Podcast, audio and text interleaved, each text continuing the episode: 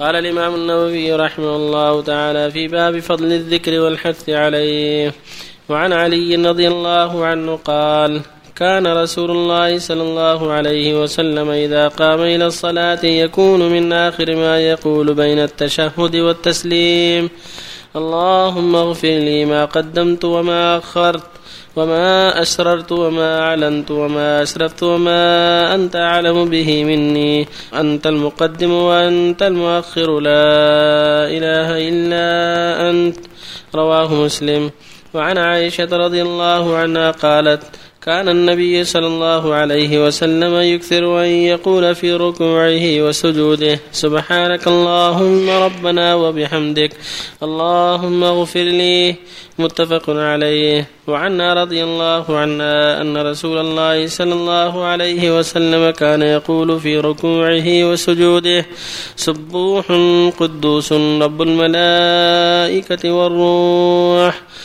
رواه مسلم. وعن ابن عباس رضي الله عنهما أن رسول الله صلى الله عليه وسلم قال فأما الركوع فعظموا فيه الرب وأما السجود فاجتهدوا في الدعاء فقمن أن يستجاب لكم. رواه مسلم. وبالله التوفيق. الله الحمد لله وصلى الله وسلم على رسول الله وعلى آله وأصحابه من اهتدى بهدى أما بعد هذه الأحاديث الأربعة كلها تتعلق بالدعاء. والذكر في الصلاة وفي السجود وفي آخر الصلاة. الصلاة عبادة عظيمة وهي عمود الإسلام وهي مشتملة على أذكار قولية وفعلية وعلى دعوات كثيرة فهي أفضل الأعمال وأعظم الواجبات بعد الشهادتين. لما اشتملت عليه من الفضائل العظيمة والعبادات المتنوعة ولما فيها من الخضوع لله والذل بين يديه والانكسار. من ذلك أنه صلى الله عليه وسلم كان يقول في آخر الصلاة قبل أن يسلم اللهم اغفر لي ما قدمت وما أخرت وما أسررت وما أعلنت وما أسرفت وما أنت أعلم مني أنت المقدم وأنت المؤخر لا إله إلا أنت. هذا من أفضل الدعاء في آخر الصلاة قبل أن يسلم. اللهم اغفر لي ما قدمت وما أخرت وما أسررت وما أعلنت وما أسرفت وما أنت أعلم مني أنت المقدم وأنت المؤخر لا إله إلا وعلم معاذ رضي الله عنه يقول اللهم أعني على ذكرك وشكرك وحسن عبادك في آخر الصلاة. اللهم أعني على ذكرك وشكرك وحسن عبادك وأمر المسلمين إذا تشهدوا التشهد الأخير يستعيذ بالله من أربعة. من عذاب جهنم من عذاب القبر ومن فتنة المحيا ومن فتنة الممات ومن فتنة المسيح الدجال. كل هذا مشروع. ويدعو بغير هذا. ومن دعاء صلى الله عليه وسلم في الصلاة الذي علمه الصديق اللهم إني ظلمت نفسي ظلما كثيرا ولا يغفر الذنوب إلا أنت. فاغفر لي مغفرة من عندك وارحمني إنك أنت الغفور الرحيم. الصديق قال يا رسول الله علمني دعاء أدعو في صلاتي. قال قل اللهم إني ظلمت نفسي ظلما كثيرا ولا يغفر الذنوب إلا أنت. فاغفر لي مغفرة من عندك وارحمني إنك أنت الغفور الرحيم.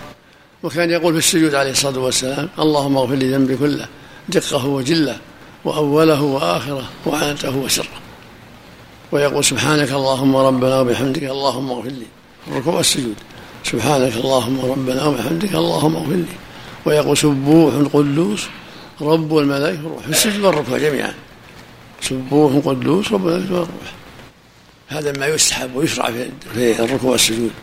سبحانك اللهم ربنا وبحمدك اللهم اغفر لي. سبوح قدوس رب الملائكة والروح. ويقول صلى الله عليه وسلم أما الركوع فعظموا فيه الرب. وأما السجود فاجتهدوا في الدعاء. فقمنون يعني حري أن يستجاب لكم. رواه مسلم الصحيح. وروى مسلم أيضا من عن حديث أبي هريرة رضي الله عنه. يقول صلى الله عليه وسلم أقرب ما يكون العبد من ربه وهو ساجد فأكثر الدعاء. هكذا يقول صلى الله عليه وسلم أقرب ما يكون العبد من ربه وهو ساجد فأكثر الدعاء. يستحب الإكثار من الدعاء في السجود. دعوات الجامعة. مثل اللهم يا مقلب القلوب ثبت قلبي على دينك. مثل اللهم اغفر لي ما قدمت وما أخرت وما أسررت وما أعلنت وما أسررت وأنت تعلم أنت المقدم وأنت المؤخر لا إله إلا أنت. مثل اللهم اغفر لي ذنبي كله دقه وجله وأوله وآخره وانته وسره. وكان من دعاء أيضا في آخر الصلاة اللهم إني أعوذ بك من البخل وأعوذ بك من الجبن أن أرد إلى أرض العمر وأعوذ من فتنة الدنيا ومن عذاب القبر. خرجه البخاري في الصحيح من حديث سعد بن وقاص. فالمؤمن يتحرى الادعيه في سجوده وفي آخر الصلاة. ويقول صلى الله عليه وسلم أقرب ما يكون العبد من ربه هو ساجد فأكثر الدعاء. هذا نص عظيم رواه مسلم الصحيح. يدل على أن الدعاء في السجود من أفضل الدعاء وهو حري بالإجابة لأنه وقت خضوع وقت انكسار فصاحبه حري بأن تجاب دعوته. وليس هناك مانع من دعوات أخرى يدعو بها الإنسان إذا احتاج إليها ولو كانت غير منقولة. مثل يقول اللهم أصلح لي ذريتي اللهم أصلح زوجتي اللهم اغفر لي وللمسلمين وما أشبه دعوات طيبة ولو ما كانت منقولة. اللهم أصلح قلبي وعملي اللهم اهدني سواء السبيل اللهم ارزقني رزق الحلال وما أشبه ذلك من الدعوات التي يحتاجها. اللهم يسر لي وظيفة مناسبة اللهم يسر لي زوجة صالحة. المقصود لا حرج يدعو بدعوات طيبة في سجوده وآخر الصلاة وإن لم تكن منقولة لكن العناية بالمنقول له شأن. يكون يعتني بالمنقول الدعوات المنقولة المروية عنه صلى الله عليه وسلم الثابتة تكون العناية بها أيضا لها مزية يعتني بها ويحرص عليها لكن مع الدعوات الأخرى التي يحتاجها. وفق الله جميعا. التعظيم الذي ورد في الركوع. يفسر بقول سبحان ربي العظيم أو يشمل جميع أنواع التعظيم. مثلا لو عظم الله من دون أن يسبحه في الركوع بعد الإتيان بالذكر الوارد. معناه أنه يتحرى التسبيحات اللي فيها تعظيم الرب به بدعاء سبوع قدوس سبحانك اللهم ربنا وحمدك اللهم اغفر لي سبحان ربي العظيم سبحان ربي العظيم. يعني محله انكسار لكن بين السجود وبين القيام. فيكون تهلته فيه بين هذا وهذا. وهو في حالة انكسار وذل ولكنه دون السجود. السجود أكثر خضوعا وأكثر ذلا فلهذا صار الدعاء فيه أعظم وأكثر وأبلغ. الله يسلمك معنى سبوح قدوس يعني أنت سبوح قدوس يعني منزه عن كل عيب. سبوح قدوس يعني منزه من كل عيب. أو معنى أقدسك وأسبحه أسبحه وأقدسك معنى متقارب. هي صيغ مبالغة يا شيخ. نعم. بعضهم يا شيخ في الدعاء في رمضان. يدعو يقول اللهم اجعلنا من الباء بركة ومن الراء رحمة وهكذا على الحروف.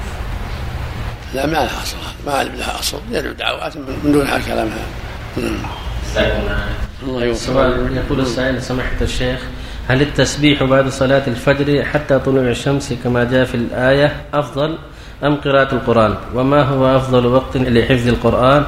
وكيف الطريقة؟ جزاكم الله خيرا وضاعف مثوبتكم العناية بالتسبيح والأذكار الشرعية أفضل حتى يؤدي كل عبادة في وقتها في آخر النهار وفي أول الليل في أول الصباح ويعتني بالأذكار الشرعية والدعوات هذا أفضل وإن قرأ فلا بأس. لكن إذا تحرى الأذكار الشرعية كل شيء في حله مثل ما أن في الركوع وسبحان ربي العظيم ما يدعو كثير من سبحان ربي العظيم وسبحانك اللهم ربنا وبحمدك اللهم وبين السجدتين رب اغفر لي رب يدعو كل شيء في محله هو المشروع. واذا أكثر من الدعاء وأكثر من التسبيح والتهليل وتعظيم الرب والاكثر من الدعوات مشروعة في الصباح والمساء يكون هذا أفضل. وإن قرأ القران كله خير. الله يحسن عملك. أقول الدعاء وهو ساجد يحمل على أن يكون في الصلاة. فقط. الدعاء؟ وهو ساجد. اي يحمل على أن يكون في الصلاة فقط. يعني لا ينبغي أن يدعو وهو ساجد خارج الصلاة. لو عرض له أن يدعو يدعو بغير سجود في كل وقت. الدعاء في كل الله يقول جل وعلا وإذا سألك عبادي عني فإني قريب. وأجيب دعوة الداعي إذا دعا ويقول سبحانه أدعوني أستجب لكم. الدعاء مشروع في جميع الأوقات ليلا ونهارا وأنت راكب وأنت ماشي وأنت مضطجع في كل وقت. لكن لرمضان أرجح في الإجابة مثل الدعاء في السجود أرجح في الإجابة. الدعاء وأنت تنتظر صلاة المغرب بعد العصر يوم الجمعة أرجح في الإجابة. الدعاء حين صعود الإمام يوم الجمعة المنبر إلى أن تقرأ الصلاة أرجى بالإجابة. الدعاء في جوف الليل أرجى بالإجابة. الدعاء بين الأذان والإقامة أرجى بالإجابة. كون الإنسان يدعو بتضرع وعناية وتكرار للدعاء والإلحاح أرجى في الإجابة وهكذا. شيخ لو يسافر الإنسان وحده؟ هل له أن يقصر مع جنبه مسجد؟ لا يصلي أربعة مع الناس. وحده ومعه أخويا؟ لا لا. لا إذا صار يجد جماعة يلزم يصلي مع الجماعة. شيخ مع رخصة. ها؟ أقول الرخصة في السفر. إيه لكن الرخصة في إذا ما كان عنده جماعة. أما إذا كان عنده جماعة يصلي معهم أربعة لأن الجماعة واجبة والقصر مستحب. ولا يجوز ترك الواجب من أجل المستحب. الله يحسن عملك هل ورد عن عن السلف إتمام الصلاة في السفر؟ والقول بأن المشقة قد زالت يجوز جاهز ثبت عن عائشة رضي الله عنها. كانت تتم في السفر وأقرها النبي صلى الله عليه وسلم. في رواية أنها كانت بعده بعد النبي صلى الله عليه وسلم جاء في رواية أنه أقرها صلى الله عليه وسلم. لكن محفوظ عنها أنها قالت إنه لا يشق عليه. كانت تصلي أربعة فتقول أنه لا يشق عليه. وهذا اللي عليه جمهور أهل العلم أن القصر سنة مو بواجب. مثل ما أن الإفطار في رمضان أفضل والصوم جائز في السفر يعني. لو انتفت المشقة يتم الصلاة. لا السنة المسافر مطلقة وله مستريح صلي ثنتين المسافر. لكن لو أتم لا حرج. لو أتم لا حرج. وقد كان عثمان رضي الله عنه مع الصحابة في آخر حياته يتم بهم في في سفر في حجاته. كان ابن مسعود رضي الله عنه قال ليت حظي من أربع ركعات ركعتان متقبلتان. فقيل له ألا تصلي ثنتين؟ قال إني أكره الخلاف. كان يصلي معه أربعة في حجاته الأخيرة عثمان رضي الله عنه. لو قصر وحده يا شيخ يأثم عن أمامه مسجد. يأثم. لأن ترك الجماعة. الجماعة واجبة. النبي صلى الله عليه وسلم قال من سمع النداء فلم يأتي فلا صلاة له إلا من عذر وأمر الأعمى أن يصلي مع الناس ولو كان ما له قائد قال أجب. أن يصلي عليه وسلم. حكم أحمد شاكر على بعض الأحاديث. هل تساهل أو جيد؟ عند التساهل. عند وضع التساهل. يعفو عنه وعنه. التحسين والتصحيح. صحح حديث من الله إياه وجماعة من الإخوان.